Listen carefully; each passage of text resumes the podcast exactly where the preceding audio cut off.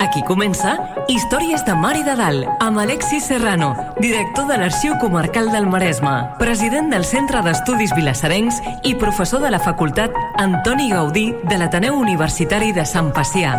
Un programa sobre el nostre passat, les històries, les tradicions, els personatges i el patrimoni de Vilassar de Mar. Una producció del Centre d'Estudis Vilassarencs en col·laboració amb Vilassar Ràdio i sota la coordinació de Núria Gómez.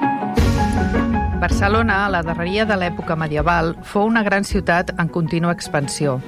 Era la metròpoli d'un imperi notable que s'estenia pel Mediterrani. Era una ciutat d'una gran efervescència econòmica i social, de la qual són mostres el gran llegat gòtic tant civil com religiós. Una ciutat tan poblada i plena de gent, dedicada a oficis menestrals, requeria ser proveïda de tota mena de recursos vitals del seu territori proper. El Maresme fou, en part, un dels llocs de proveïment de la ciutat. Tota mena de productes de primera necessitat feien cap a la ciutat comtal i entre totes aquestes mercaderies tenia una especial importància el proveïment de fusta. Avui, a Històries de Mar i de Dalt, parlem del Maresme, com a lloc de proveïment de productes essencials de la ciutat comtal.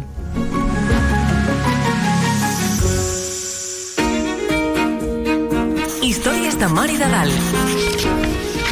Entrant en matèria. Benvinguts. En el programa d'avui parlarem amb en Miquel Soberón del Maresme com a lloc de proveïment de productes essencials de la ciutat comtal. I l'Alexis ens podria fer cinc cèntims sobre el tema d'avui. Sí, una puntualització, mm, només. Ui. Dèiem que eh, a la darreria de l'edat mitjana Barcelona és una ciutat en expansió si traiem el hiatus, diguem-ho així, de l'impacte de la pesta negra, però després de l'impacte de la pesta negra, 1348, una cosa així, eh, certament hi haurà un, redre un redreçament i llavors sí, tornarem a tenir un creixement bastant continu. Probablement no degut al seu creixement vegetatiu natural, és a dir, no només el creixement natural dels propis eh, eh, conciutadans, sinó també per l'efecte crida que la ciutat eh, generarà eh, respecte a molta gent del territori que anirà, anirà paulatinament a buscar-se la vida a aquesta ciutat. Això no només li passa a Barcelona, passa a totes les ciutats europees de, de, del temps. En aquella època, les ciutats, quan parlem de, del creixement de les ciutats, doncs parlem d'aqu- d'aquesta època. A la, baixa, a la baixa edat mitjana, les ciutats comencen a experimentar un gran creixement. Si, per exemple, mirem un mapa de la Barcelona de la Barcelona medieval, veiem com durant molt de temps la muralla està la, la, la ciutat està dins de les muralles de Jaume I, però a partir d'un cert moment caldrà fer una ampliació, en època de Pere III el Cerimoniós, caldrà fer una ampliació incorporant, la ciutat s'acabava la Rambla, perquè ens entenguem, doncs caldrà ampliar tot allò que ara coneixem com el Raval, doncs per proveir la ciutat d'hortes, per, per poder alimentar la, a la població, i per a, més, a més a més perquè hi hagi nou territori on anar construint doncs, més habitatge, perquè hi havia una crisi habitacional a l'època, mm. calia fer més cases per més gent que hi vivia. Per tant, la ciutat anava creixent. Perquè una ciutat creixi necessitem diverses, diverses, diverses eh, matèries. Mm, per començar, la matèria primera bàsica eh, pot ser la pedra, però també eh, la, pedra Barcelona té molt a la vora, té Montjuïc, tots hem vist o hem llegit la catedral de Mar, sabem la importància que té aquesta muntanya per construir la mateixa ciutat. Però també és veritat que cal un altre element per a la construcció, bàsicament la fusta. Aquelles cases eren fustes, eren fetes, la major part de les cases eren fetes amb fusta i tàpia, no? amb fusta i fang, per tant la fusta havia de venir de fora, però la fusta és essencial per gairebé totes les labors eh, humanes, des dels oficis, doncs per mantenir el foc, doncs per la forja, o per el treball del que sigui, del vidre, o del treball de qualsevol ofici requereix eh, normalment combustió.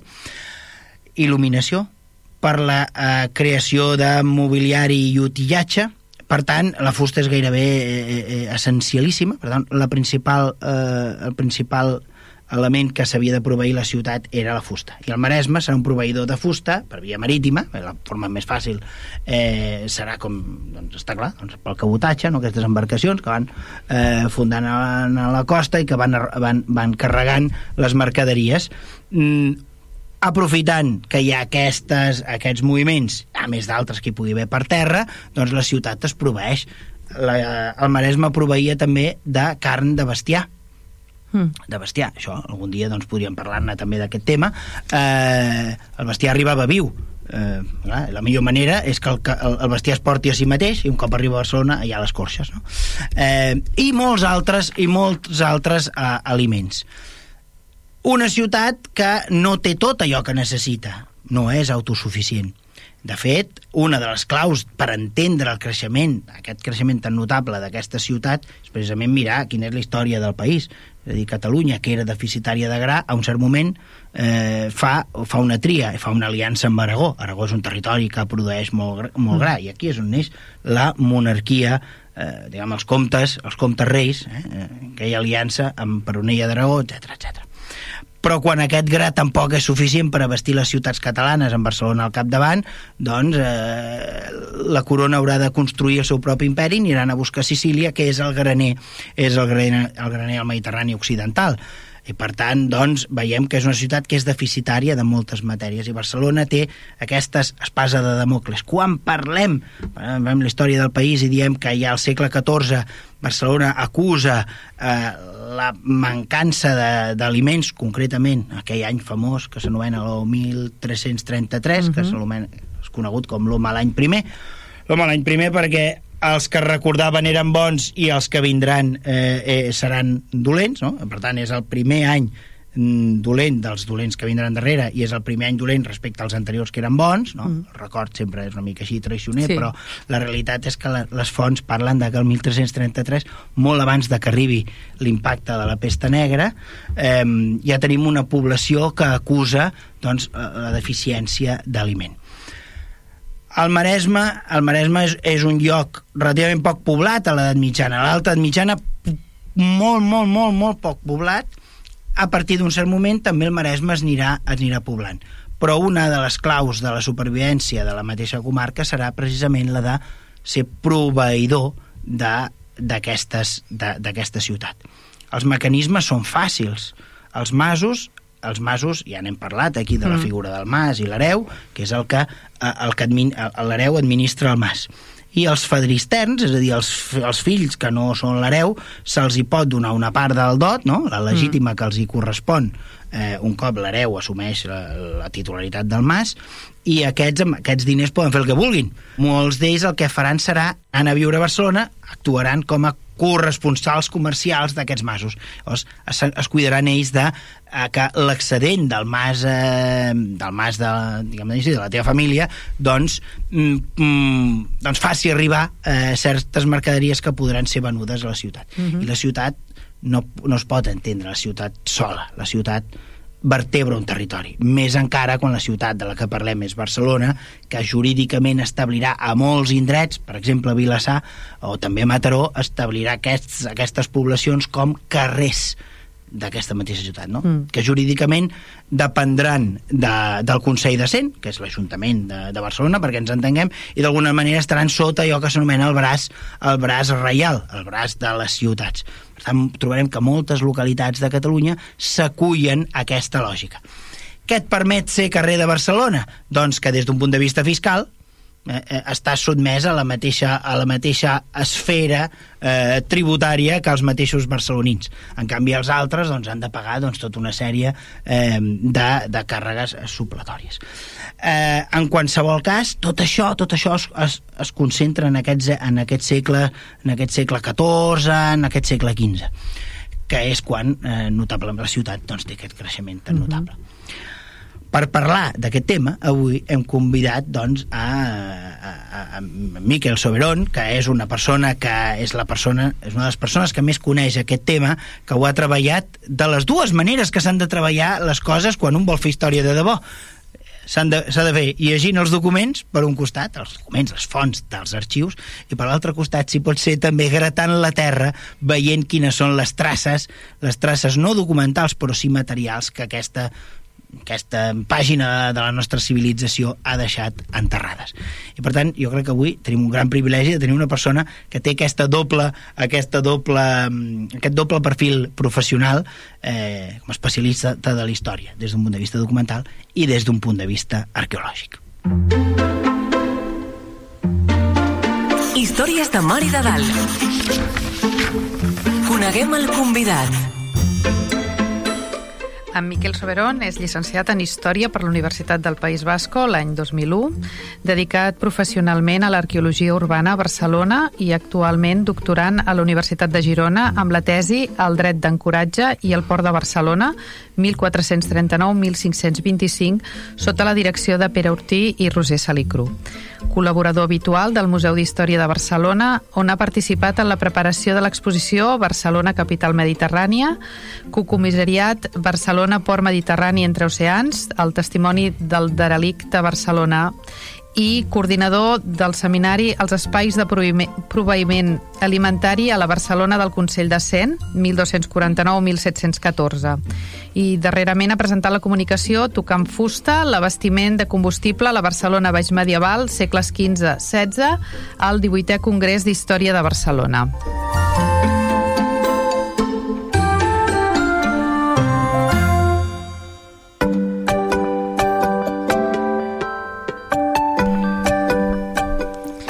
Benvingut, Miquel. Bona tarda. Uh, parlàvem, o estava parlant l'Alexis, ens ha explicat al principi, jo també he parlat molt en el, en el, teu, en el teu currículum de, del tema de la, de la fusta i de l'abastiment i del port i de tot això, no? Una miqueta, com, com, com arribes a, o com, per què t'interessa aquest tema?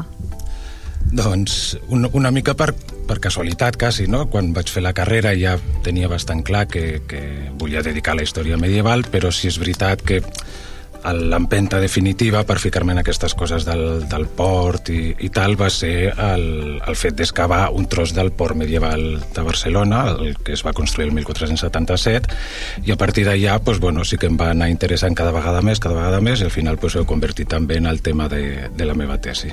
Molt bé. Uh, L'Alexis també comentava que hi havia les, les dos vertents. Una que has anat allà als arxius, que els mm. agrada molt a remenar papers i aquestes coses, i a llegir, no sé què, qui vas trobar, i per una altra banda també has anat a, al territori, no? A... Sí, en, en, sí, al final sí, ja, ja m'he dedicat a l'arqueologia la, durant molts anys, però sí és mm. veritat que en aquest tema, bueno, en el tema concret que, que parlem avui, d'aquest proveïment de, de, de combustible, sobretot, eh, m'he centrat molt més en, en, el, en el que diuen els documents. Val? Uh mhm. -huh. Això no vol dir que no n'hi hagi gent, que, que de fet ja, entre elles la, la Sabrina Bianco, que és una, una arqueòloga companya, que des de fa temps eh, s'hi dedica a estudiar els carbons que van apareixent en el, en el registre arqueològic de la ciutat. No? De manera que tenim també una mica aquesta correspondència entre, entre el registre documental i el que apareix a, uh -huh. a la mhm. Terra. Uh -huh. Val. Uh, en el tema de el tema de, dels documents um, parla d'alguna zona en concret del Maresme que sigui més um, bueno, que sigui més proveïdora? És que no sabia com, com dir-te com dir-ho. Vull dir que, que hi hagi més bueno, que es... sí, sí, sí dins de l'esquema que, que ha explicat també l'Alexis mm. -hmm Eh, està clar que Barcelona no, no viu de si mateix, de fet, pràcticament mm. cap ciutat eh, europea del moment, i, i si, ens anem a, si ens anem a l'antiguitat, quasi que tampoc, eh, pot viure del, de l'entorn més proper. I, I ara tampoc. I ara, no. tampoc, ara tampoc, ara evidentment tampoc. Si els barcelonins hagueren de menjar eh, el que donen els seus horts urbans, estarien... Sí, passaria molta gana. Serien transparents. No? Bueno, però els, els vilasarencs també. Igual, eh? sí, igual, sí, igual. Sí, sí, sí. No, doncs, eh, en el cas de, de la llenya, que és sobretot el, el que comentaríem avui, sí. Sí que és veritat que, que si agafem les fonts més o menys estàndards, no? sobretot la, la documentació municipal, a partir de les ordinacions, el que trobem és, és menys de, de tot un seguit de llocs d'on ve la llenya a Barcelona, no? però que van mm, allò fent una franja ampla, anirien des de Begú fins a Coll de Balaguer. Val. Que, quin avantatge tenim? Pues que, eh, que, que comptem amb una font que és d'aquestes fonts fantàstiques que, que la Corona d'Aragó té, no? que en un altre lloc segurament estaria estudiada des de fa mil anys, però en el nostre cas no, que és el dret d'ancoratge. El dret d'ancoratge és, perquè ens fem una idea ràpida, és un impost indirecte, és a dir, no es cobra sobre les persones, sinó sobre un, un fet eh, indirecte, justament. En aquest cas eh, és sobre l'arqueig, sobre la capacitat de càrrega que tenen els vaixells que arriben al port de Barcelona. O sigui, no va sobre el que hi hagi dintre, sinó sobre el que pugui entrar dintre d'aquell vaixell. Efectivament, com Val. si fos una taxa de pàrquing. Vale. Val? Si entres amb un cotxe petit, pagues poc. Si entres amb una furgoneta, pagues més. Si entres amb un camió, pagues més. Això, més o menys, és això, però en vaixells. Val. Amb l'avantatge que, que en el cas de, de la llenya no és que, que l'ancoratge vulgui taxar la llenya, però sí que fa una rebaixa a la taxa general. Val? De manera que en la documentació, en aquesta documentació, en aquests llibres del, del registre d'ancoratge, es veu molt bé tots aquests vaixells que porten llenya. Val. I ara ja, responent a la teva pregunta, eh, eh, aquest, eh, aquest impost és, és, és fantàstic, o sobretot la documentació que, que, que, ha, que, ha, que ha perviscut d'aquest impost és fantàstica i no ens diu unes, eh, no, no ens cita uns llocs així una mica eh, aleatoris d'on ve la llenya, sinó que ens diu exactament d'on ve aquella llenya, que, han desbar que ha, desem ha desembarcat aquesta persona en aquesta embarcació tal dia, de tal mes, de tal any. Hosti, això és fantàstic, sí, no? Sí, és fantàstic. I diu el tipus de llenya? No. Això és el que volia preguntar però, jo ara. Però això, no, però això gràcies a altres fonts, i a més, en aquest cas, la, la, les fonts arqueològiques ho corroboren plenament, la, la, les ordinacions de la ciutat de Barcelona sobretot parlen de dos tipus de llenya, d'alcina i d'arbós. Val. Bàsicament. I més esporàdicament al pi. Quan això, aquesta persona, per exemple, que us deia abans, la Sabrina Bianco, ha estat eh, estudiant aquests carbons que surten en el registre arqueològic, que es troba, pues, efectivament, això, majoritàriament eh, alcina i arbós. Uh -huh. val? És a dir, que, que sí que la, la, el dret d'ancoratge no esmenta quin tipus de, de llenya és, però bàsicament és, és, són aquestes dues espècies. De, de, de fet, en, en, en la nostra toponímia, sí. en tant en tant parla de les pinedes. Mm. A Vilassar de Mar hi ha unes pinedes, mm. a, a gairebé... Mm.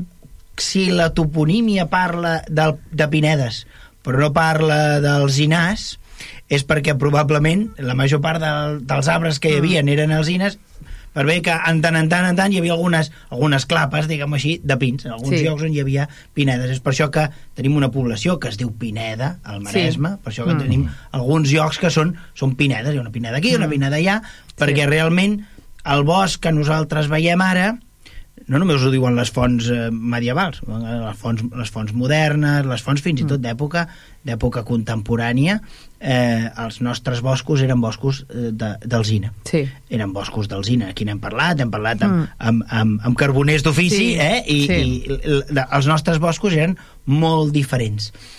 Què és el que fa que el Maresme sigui un lloc de, de pins a dia d'avui?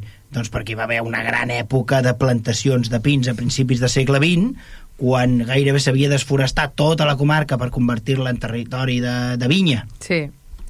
I després de la vinya va venir la filoxera i la major part d'aquestes vinyes van desaparèixer. S'havien plantat vinyes a, to a tots els nostres turons que ens envolten. Tota la comarca era, era un- una, una immensa plantació de vinyes. Però quan ve la filoxera s'ho menja doncs queda tot i els nostres besavis que sabien doncs, del perill que, que implicava que tot allò estigués sense, sense vegetació, sense una capa de vegetació, sabien que hi havia un problema molt gran amb les rieres, Mm. perquè quan plou això arrossega l'aigua i llavors tota aquesta arena, tot aquest Sí. sauló baixaria i ja sabem que pot, pot arribar a ser molt problemàtic. Llavors es van començar a fer campanyes a principis de segle, 1901, 2, 3, van començar a fer campanyes per plantar i el més barat de plantar a l'època eren els pins i per això els nostres avis de petitets van anar a plantar pins que són els boscos que nosaltres tenim però realment no eren els boscos tradicionals que, que veien els nostres avantpassats i d'alguna manera aquí aquesta és una altra vegada que tornem a veure Sí. eh, això formaria part de la història climàtica i la història doncs, vegetal Sí, o sí, sí. natural de la nostra comarca Sí. Clar, i i tu deies que,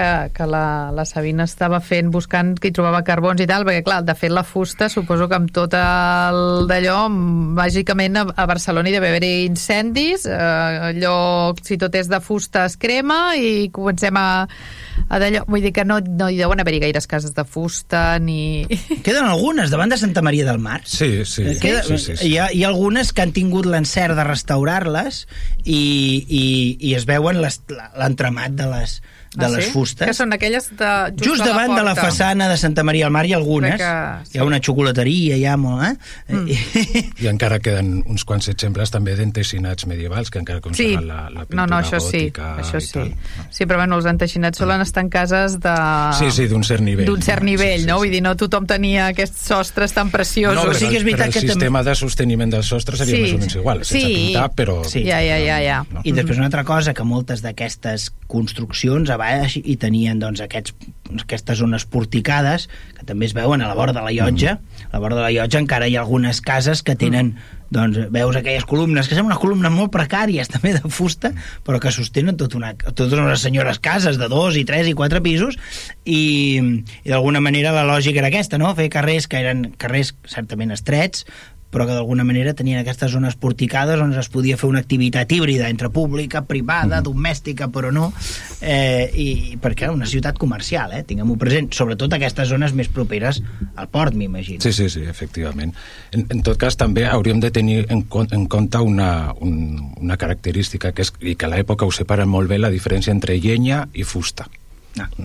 És a dir, la fusta és la, la que serveix per, per construir, per, mm. per fer vaixells, per fer edificis, per fer mobles, el que sigui, i la llenya és, és la que serveix per cremar, que sobretot la que, no, la que es troba en, en registre arqueològic i Val. la que... Val. No? Eh, Que de fet és la diferenciació que fem en català Sí. natural. Sí, sí, a sí. Menorca no, a Menorca ja tenen més problema perquè per ells tot és llenya, eh? Però... Sí, sí, sí, sí mm. però ja, sí, de vegades en, en el català medieval també diuen llenyam per referir-se a la fusta, no? De vegades això també ho complica una mica, Clar. però en principi la, la, la divisió és molt, cara, molt, molt clara. La fusta la fem servir per construir, Sí. el que sigui, i la, i la llenya és per, per cremar, Sí, bueno, i l'impacte és, és una mica diferencial perquè aquesta Sí. Llenya, pa- que, o aquesta, ja, ara, ara ho estava barrejant jo, Sí. aquesta fusta que serveix per construir sovint es recicla.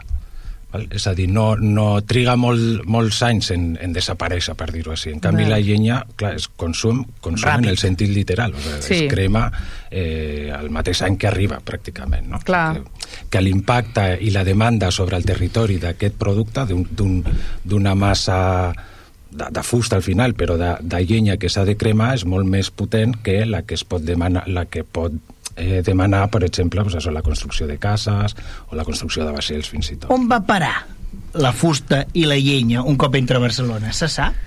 A veure, quasi tota la que arriba per mar entra pel port. Sí. Val? Això és, això és eh, evident. La llenya, normalment, sobretot en el segle XV, ja es ven a la mateixa ribera, no, no entra gaire dins de, de ciutat. De fet, n'hi ha bastant de, de, de cura per evitar que aquesta llenya es mogui molt, perquè al final no deixa de ser un producte molt voluminós que, que pot tallar carrers, que pot molestar, amb la qual s'intenta que, eh, que el moviment d'aquesta llenya sigui el mínim possible. No? Pues ven a la el- menuda. Sí, es ven a la menuda. Sí, sí, a més, de fet, també una d'aquestes coses que, tenen, que tenen les ciutats medievals, que és aquesta... No, que igual ara ja no es té tant, eh, però que és aquesta visió del bé comú, no? de, de, de buscar la, la, no? la, la, el bé comú i, i, el, i el general, fa també que, que des de molt, molt aviat el Consell de Cent prohibeixi que s'acapari aquesta llenya. És a dir, ningú pot comprar llenya per després revendre-la no? Ah. i aprofitar-se de, pues, per exemple, un moment en què en el mercat n'hi hagi poca o el que sigui. No? Només la pot vendre al, al, a l'amo de la llenya, que en aquest cas són els patrons del Maresme que porten aquesta llenya a Barcelona. Val, val. En el cas de la fusta Podríem fer tampoc... símil ara amb el petroli i ens fotríem les sí, mans al cap. Sí, sí, sí, sí, sí. Podríem dir que el Maresme era el golf pèrsic de... De, del moment, no? Però bueno, no, no, això mi- millor no dir-ho perquè tampoc és ben bé així, però bueno, sí, sí és veritat que, que, que la llenya és, un, un, és el combustible fonamental, és pràcticament l'únic combustible, no? De fet, mm. molts historiadors d'aquest període es refereixen com una, com un, una economia vegetal, no? O sigui, perquè mm. pràcticament tota la font d'energia ve de, de la combustió de llenya o de carbó, més, més minoritari, però, però mm. també del, del carbó. I la fusta?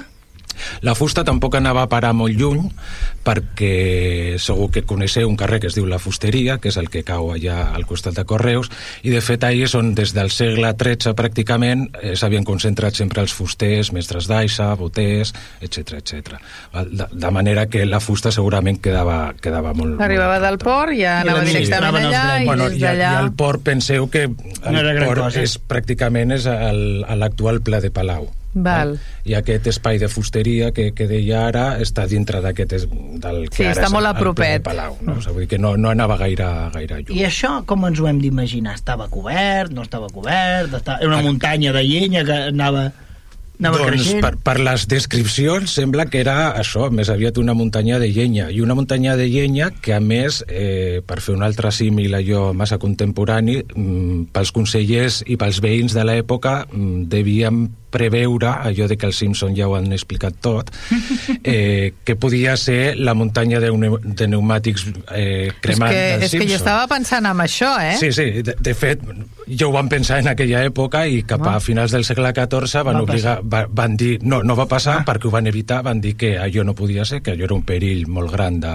Que clar, tu imagina't una acumulació de fusta Sí, tan sí, gran, sí, sí, sí. eh, una mica, bueno, una espurna i Sí, sí. surt tot Bueno, i, cremat. i pensem també una altra cosa, que, que això eren molts diners, també. Sí, bueno, no, clar. No era només Sí, sí, sí. El, el des, Clar. la destrossa, sinó que també eren molts diners, no? Clar.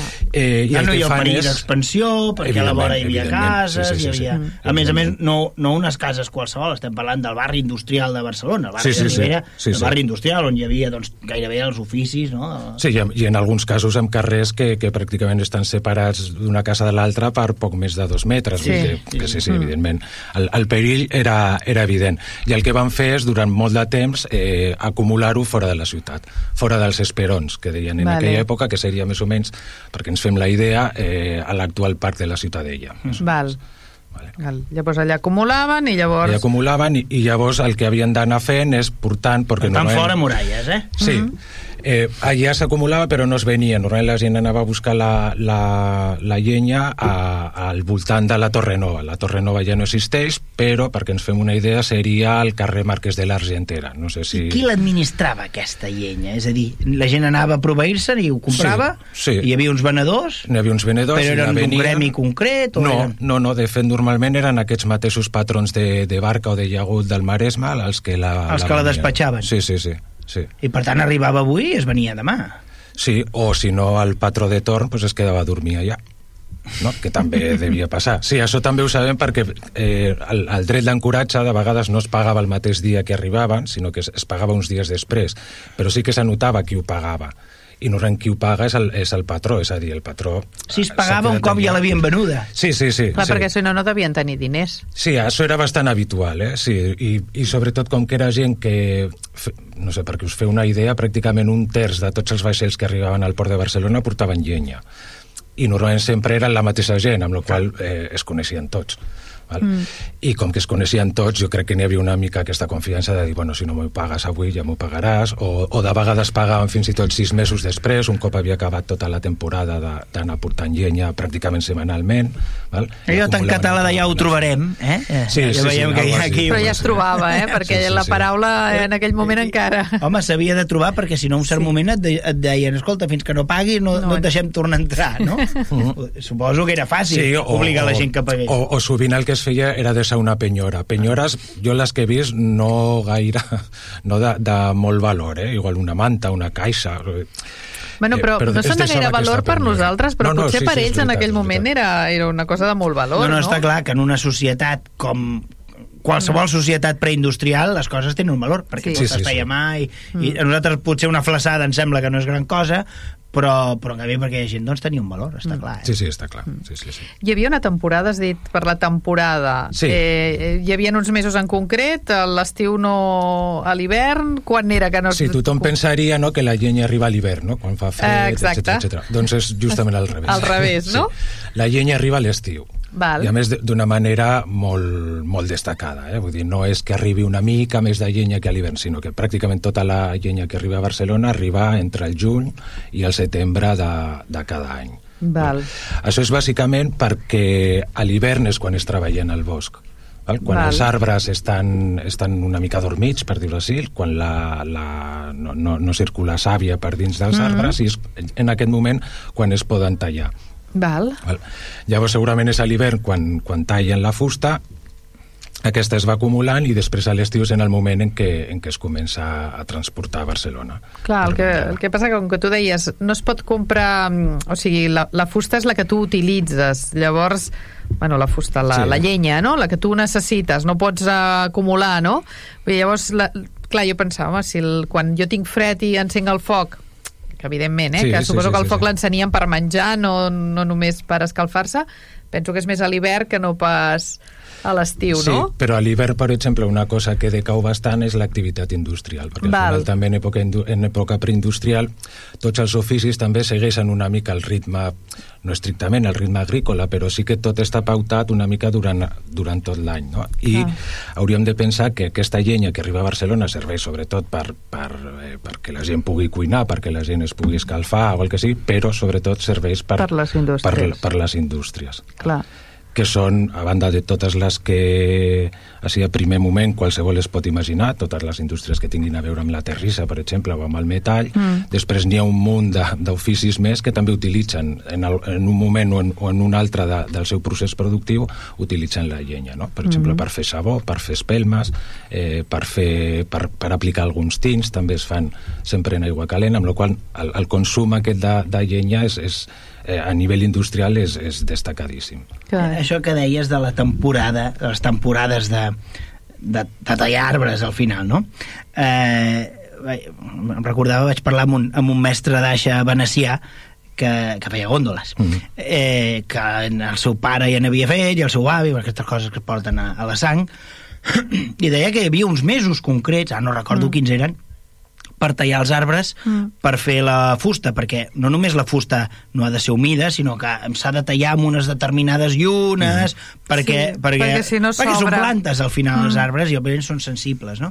I, Sí, això surt a Vitruvi ja, Sí, de fet, i, això, eh, per exemple. I això, de fet, em va fer recordar, quan m'ho explicava, em va fer recordar eh, quan eh, ja eh, el, el, el, ja ho diré, l'ambaixador venecià que està a, a Istanbul Sí. eh, durant el període de la guerra, bueno, sí, de Sí. la guerra veneciano turco-veneciana que acabarà amb la batalla de Lepant, no? Eh, eh, I explica com acaba la guerra. Diu, "Bé, la guerra va acabar l'any passat, l'any següent de, de la batalla de Lepant, diu perquè l'emperador va fer, eh, l'emperador, el sultà, va anar a fer eh, tallar tots els seus boscos allà on, on anava a caçar per fer arbres. Diu, fins i tot eh, desoint la, la, els mestres d'aixa que deien que no eren èpoques de tallar arbres, no? per, per això que dèiem Sí. de, la, de les llunes, eh? Mm. perquè eh, sempre dic el mateix, eren antics però no tontos.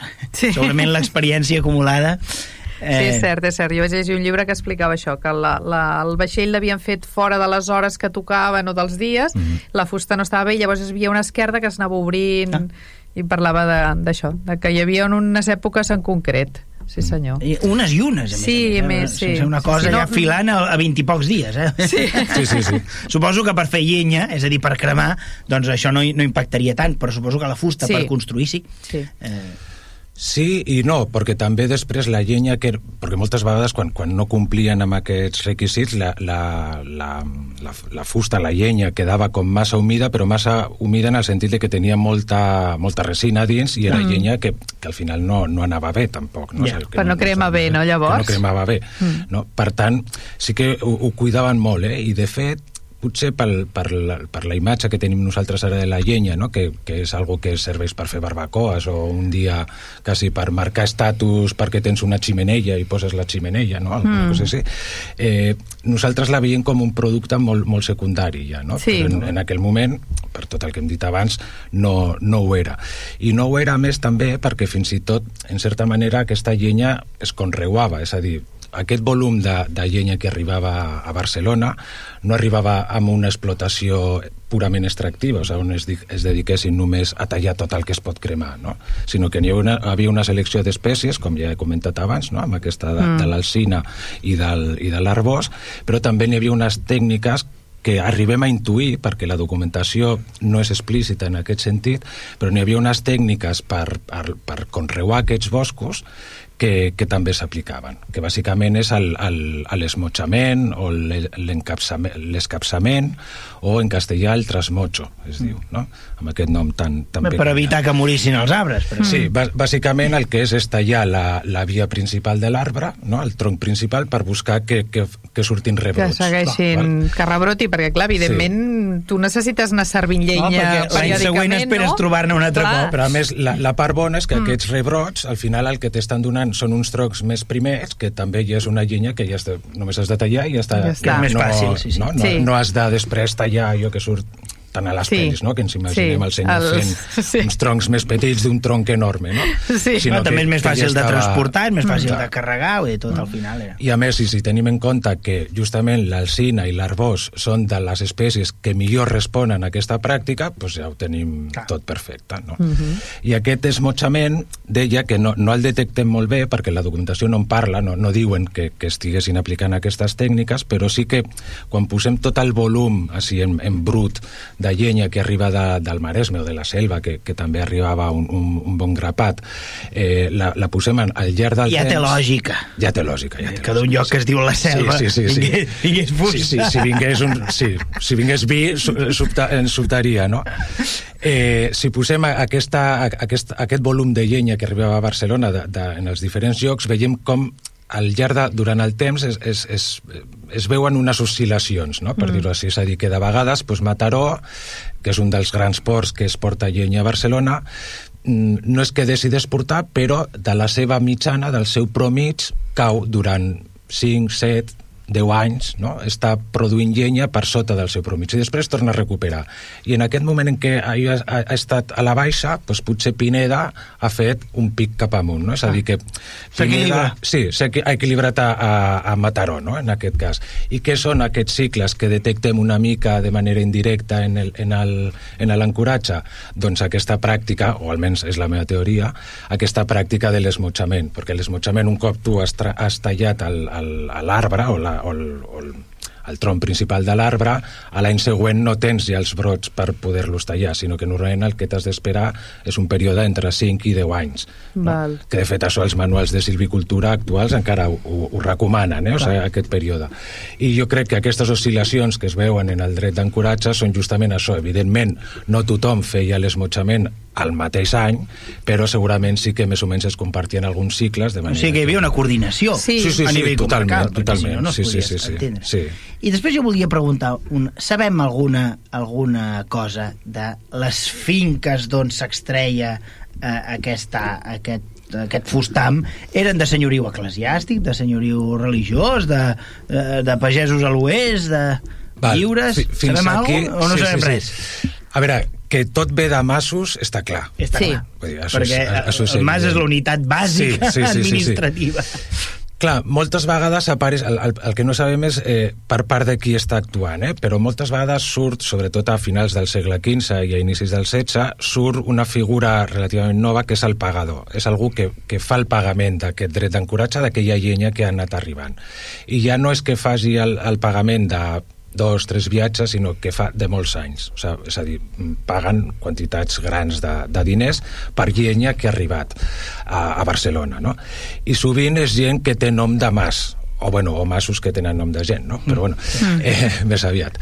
Eh, per exemple, Catà, no? Un dels pagadors és un catà, que és d'Arenys, segurament, Fa la sí, pinta. Té pinta, no? sí. i que aquest senyor mm, paga autèntiques borrades de, de, de llenya, o sigui, de dret d'ancoratge eh, per, per llenya transportada a Barcelona. Segurament aquesta persona, o almenys és la, la idea que m'he fet jo, són gent, són pagesos molt benestants que el que han estat fent és anant acumulant aquestes peces de terra que gràcies a l'estructura del mas també són fàcils de, de transmetre, de vendre, de, de, no? Mm. i ha anat acumulant porcions grans de bosc i bueno, té un seguit de gent que treballa per ell i va portant. Clar, la propietat última d'aquestes terres jo no he acabat de mirar-ho, la veritat. O sigui també que és una no- mica indiferent. Depèn. Bueno, sí. No, si ara veiem, jo que sé, que el, no, el monestir de Sant Pol té terres i terres de, de bosc, pues, home, seria un, un, una qüestió important a saber, no? Però, Però sobretot fins on el que... arriben les dades... Bueno, es podrien anar buscant aquests masos. Sí, Eh, sí. sí, de, de fet, moltes, sovint el que veiem, eh, els patrons de- d'aquestes barques i d'aquests llaguts que porten la, la llenya a Barcelona és gent que té nom de mas. Val? Flaquers, eh, dois, eh, no sé, ara em vindrà algun més... Eh, no, el Torroella no, però aquest és un molt actiu. És a dir, que segurament són gent que són, això, són, no són hereus, són, són el segon fill, el, ter el tercer fill, que, que agafen això com a, com a alternativa vida. Bueno, no? exacte. O de vegades fins i tot algun, algun hereu, eh? perquè n'hi ha un exemple molt, molt maco que, que, que el publica el Xavier Soldevila, en aquest cas és de Blanes, però ens serveix molt bé, que és un hereu que diu que no, que ell, que ell no vol saber res del mas, al segle XV també, i que el que vol és ser mariner i que mm. se'n va a fer de mariner que no vol saber Això res. es podríem fer una vanera. Això és maquíssim. Això és per fer una vanera. Sí, sí és maquíssim. Aquell, aquell que diu vull ser pescador i no frare, no? Pues, vull ser pescador pues, o pues mariner. Igual, no sé si li havien, igual li havien explicat massa bé el que era so de, o, o s'ho havien pintat massa bonic el que era so de ser mariner, però bueno, en tot cas la seva opció va ser... Però mariner vol dir fer-se per fer mariner. això, per dedicar-se al no, comerç. no ho sabem, Ah. però podria ser, podria ser. Sí, sí. No? Dir, a- aquesta gent, per exemple, aquests flaquers, aquests dois, aquests eh, raudors, quan apareixen a, a Barcelona i els mm, no parlen de patrons, eh, se refereixen a ells com a mariners, és a dir, són mariners, encara que facin aquest trajecte petit. entre Vol dir que la resta de l'any que no es dediquen a moure fustam Mm. es dediquen a moure altres mercaderies. O no? Sí, sí. Apareixen en el dret de coratge portant altres Sí. mercaderies? Sovint sí. El que passa és que tenim com dos moments diferenciats. A, mi, a mitjans del segle XV, a l'hivern, la gent del Maresme i de la selva, entre cometes, desapareix. Els veiem poc. Hiverna. Sí, no sabem què van a fer, però no... És que per ja Barcelona no ja se sap no que ens agrada el caloret. Clar, clar igual, igual és això. Però després és molt curiós com a finals de, de segle XV i sobretot durant el XVI sí que veiem aquests patrons de, de, del Maresme i de la Selva treballant i portant coses a Barcelona. I, i quines coses són? Pues sobretot porten sal des de Tortosa, és a dir, mm -hmm. es vinculen amb un comerç d'un abast molt més ampli que no el, el, el, el, el que potser era d'un radi més curt de, de la llenya o fins i, I tot una el- altra matèria crucial com Sí, és la sí, sal. sí, sí, sí, És a dir, perquè sí, hem parlat sí, de la fusta, bàsica. que és Sí, sí, sí. essencial, però Sí. més, més essencial que la sal. De fet, Sí. s'inventarà no? eh, l'impost de la sal, eh, i inclús els que no gasten sal se'ls obligarà. Ja, a França, per exemple, s'obligava la gent a comprar la sal, perquè una cosa essencialíssima.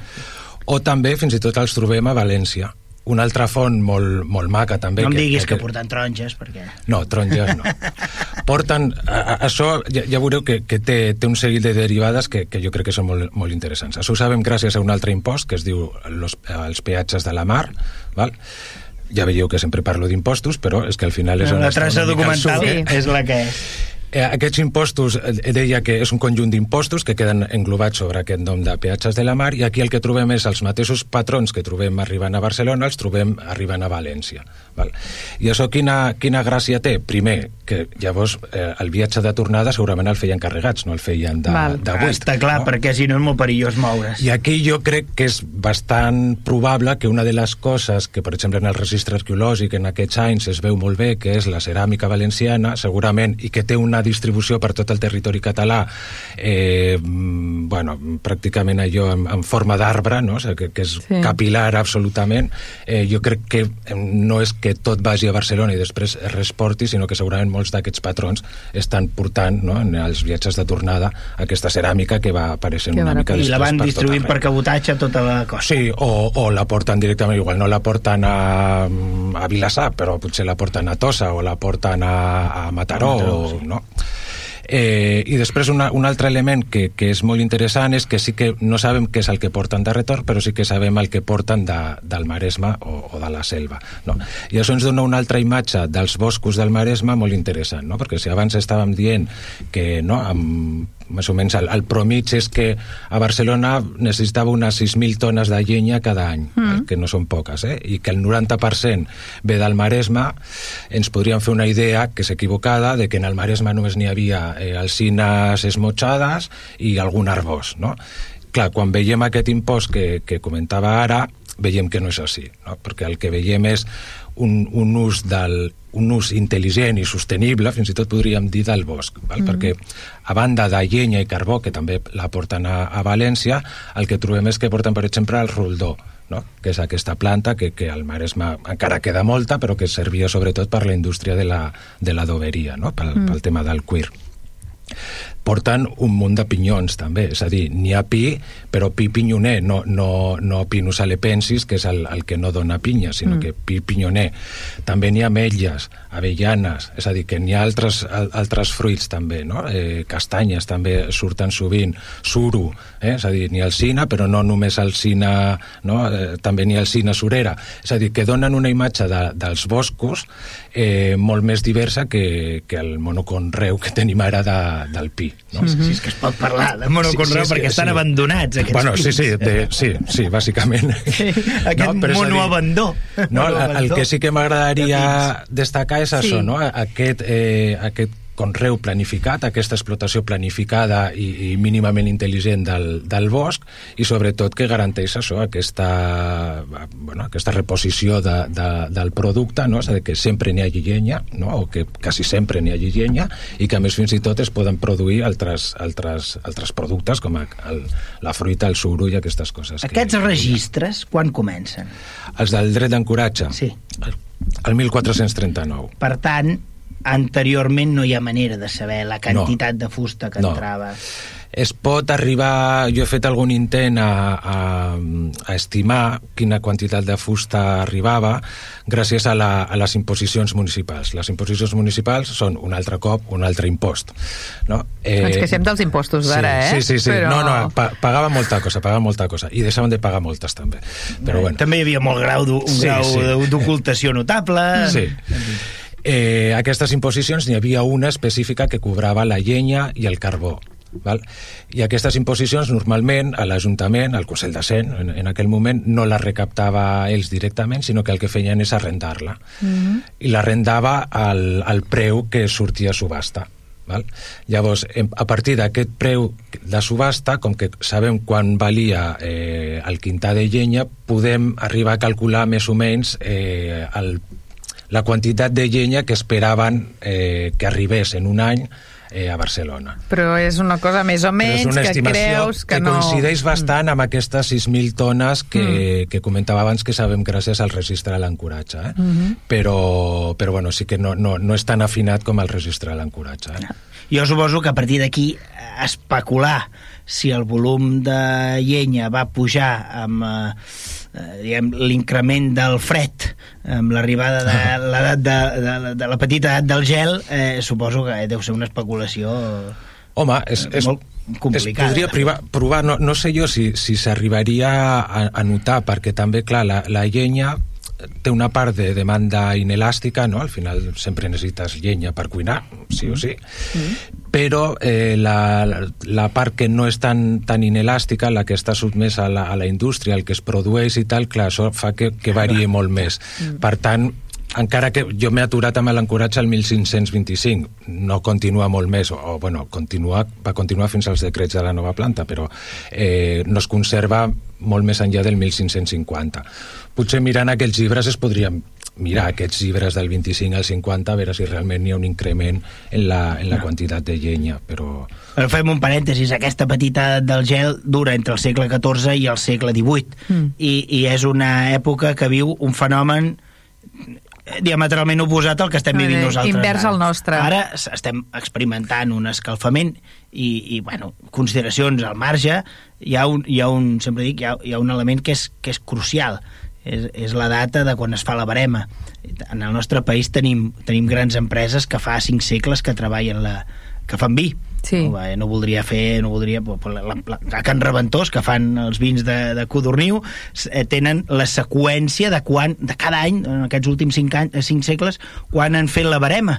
I jo, quan era petit, la barema es feia al setembre, mm. i ara la, la barema es fa a l'agost, i sí. alguns llocs es comença a fer el juliol, i això, i això és un indicador. És a dir, quan mm. no tenim registres de, diguem, de temperatura, nosaltres sabem que ara anem a un escalfament. Sí. Però, en canvi, entre el segle XIV i el segle XVIII va haver un refredament notable i sempre poso el mateix exemple el 17, en ple setge de Barcelona no sé si va ser l'any 12 o el 13 es van gelar els dos rius a les desembocadures mm -hmm. que es diu ràpid que, que gelin i que per exemple sobre el Tàmesis o sobre el Sena anualment es feia una fira Sí. Sí. sobre el riu, perquè el riu mm. estava gelat. Vol dir que feia bastant més fred que ara, no? I, i per això jo preguntava això si en aquesta època doncs mm. es nota un, un clar, més fred, més, més consum d'escalfor de, de, vull dir, clar, però és com difícil. que no tenim de... aquests registres també anteriors al, al, al 14 és complicat, clar. no? O sigui que jo ara pensava en, en el 16 i el 17 perquè és el moment així com més greu no? d'aquest sí. refredament i, i, de, i de tots els episodis aquests també eh, més més, més agressius. Diu que a Versalles es glaçava el vi de les copes. Imagina't. No, pues imagina't. No, aquí eh, no, a l'encoratge, malauradament, això no, no ho podem arribar Clar. a veure. Els, el, els llibres on bueno, hi ha aquest dret d'encoratge o la documentació, mm. bàsicament, on està ubicada? O sigui, si la sí. volgués consultar algú. Sí, això està en l'arxiu de la Corona d'Aragó. Val. I és fàcil d'accedir-hi sí, o t'hi posen moltes sí, sí, pegues? Sí. Eh, sí, sí, es pot... No, no, qualsevol persona, més, bueno, és que és un dret, o sigui, qualsevol persona pot anar a un arxiu i consultar la, la documentació. Però llavors era l'administració reial la que administrava sí, sí, això? El, el, el, eh, és una cosa una mica mixta perquè és un... Bueno, el que fan els reis, no? De, jo et dono el privilegi, però després tu t'apanyes. No? Llavors, eh, l'impost és un impost reial, és un impost que els diners, si és que hagués produït diners, eh, haurien anat cap al rei, el que passa és que el rei ja ho va concedir amb la intenció que només servís per pagar les obres del port. Val? Per tant, el, el reinvertia d'alguna sí, manera. Sí, el rei no va veure mai ni un, un duro. No. Val i després... Claro, també el, el port la... servia, servia per les seves naus, no? Sí, sí. Eventualment. Sí, sí, sí, sí. sí.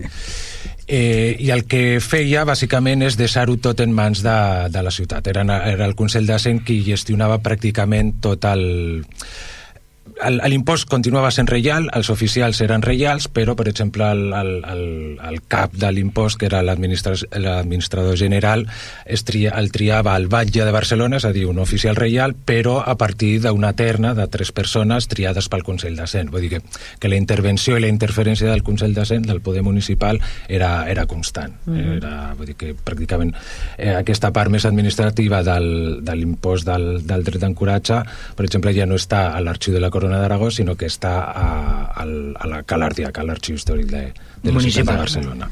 Tu parlaves abans que aquest dret d'encoratge anava en funció de la capacitat que tingués... L'arqueig. El, mm -hmm però suposo que depenent del que hi posessis, el valor de venda era molt més gran, no? Vull dir que podia mm. haver-hi allò de feta la llei, feta la trampa. Jo faig veure que porto una cosa però n'hi porto una altra. O sí. era molt controlat el que portaven? Era, era controlat i, i, de fet alguna cosa es devia escapar, o molta cosa es devia escapar. Eh? Però són picarescos sí, aquí, eh? Sí, són molt però també això, no? Eren antics però no eren tontos, no? Sí. Com deia Alexis.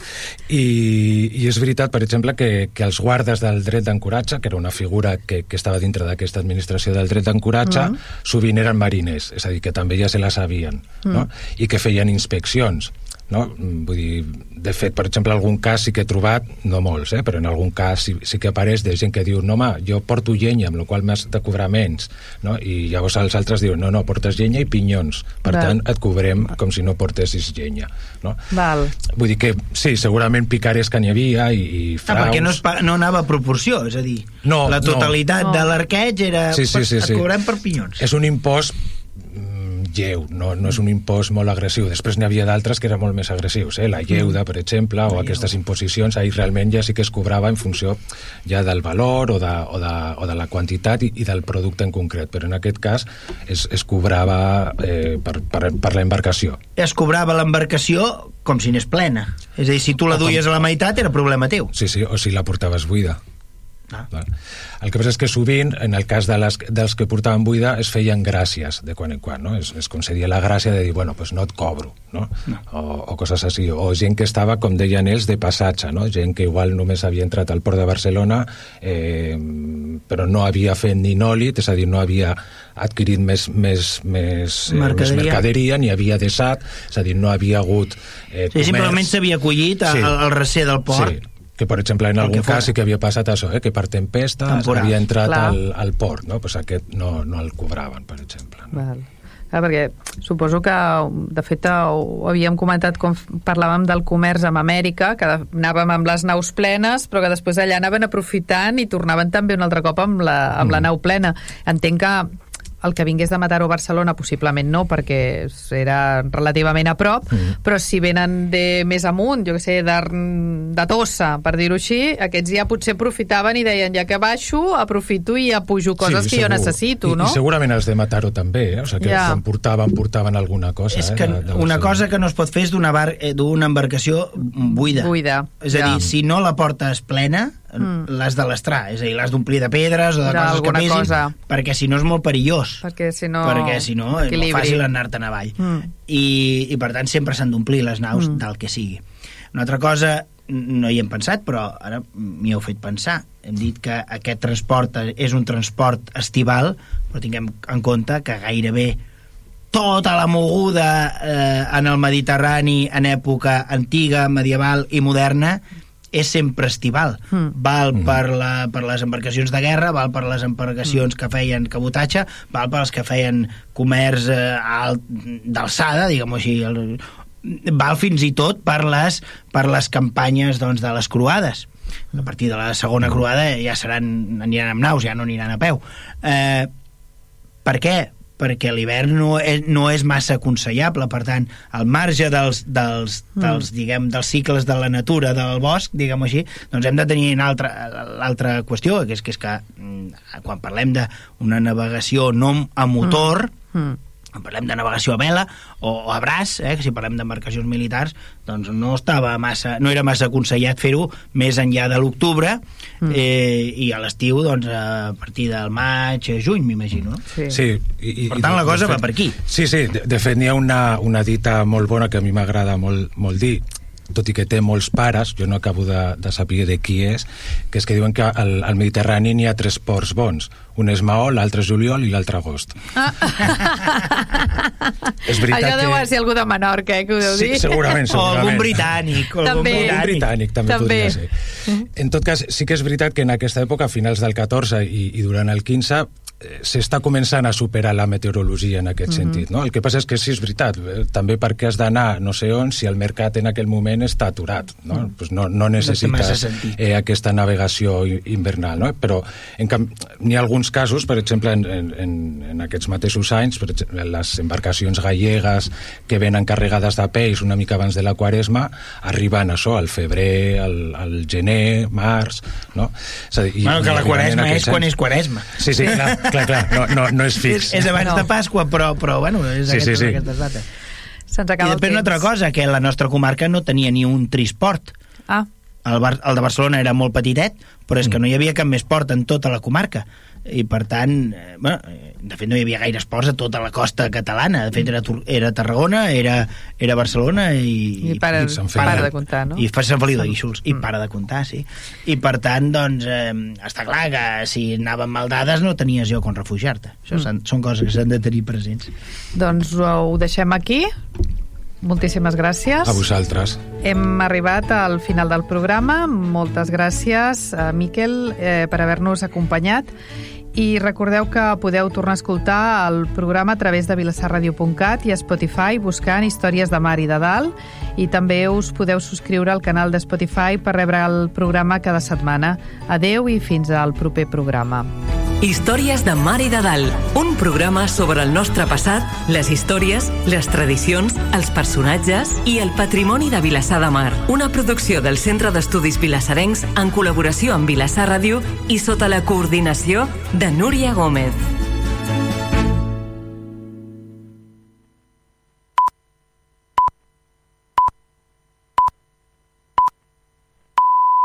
Vilassar Ràdio són les 10 de la nit. Has pensat a dedicar-t'hi? Sí, al curs vinent m'agradaria estudiar un grau en música. Els estudis de música i dansa són ensenyaments amb vocació professional i de llarg recorregut.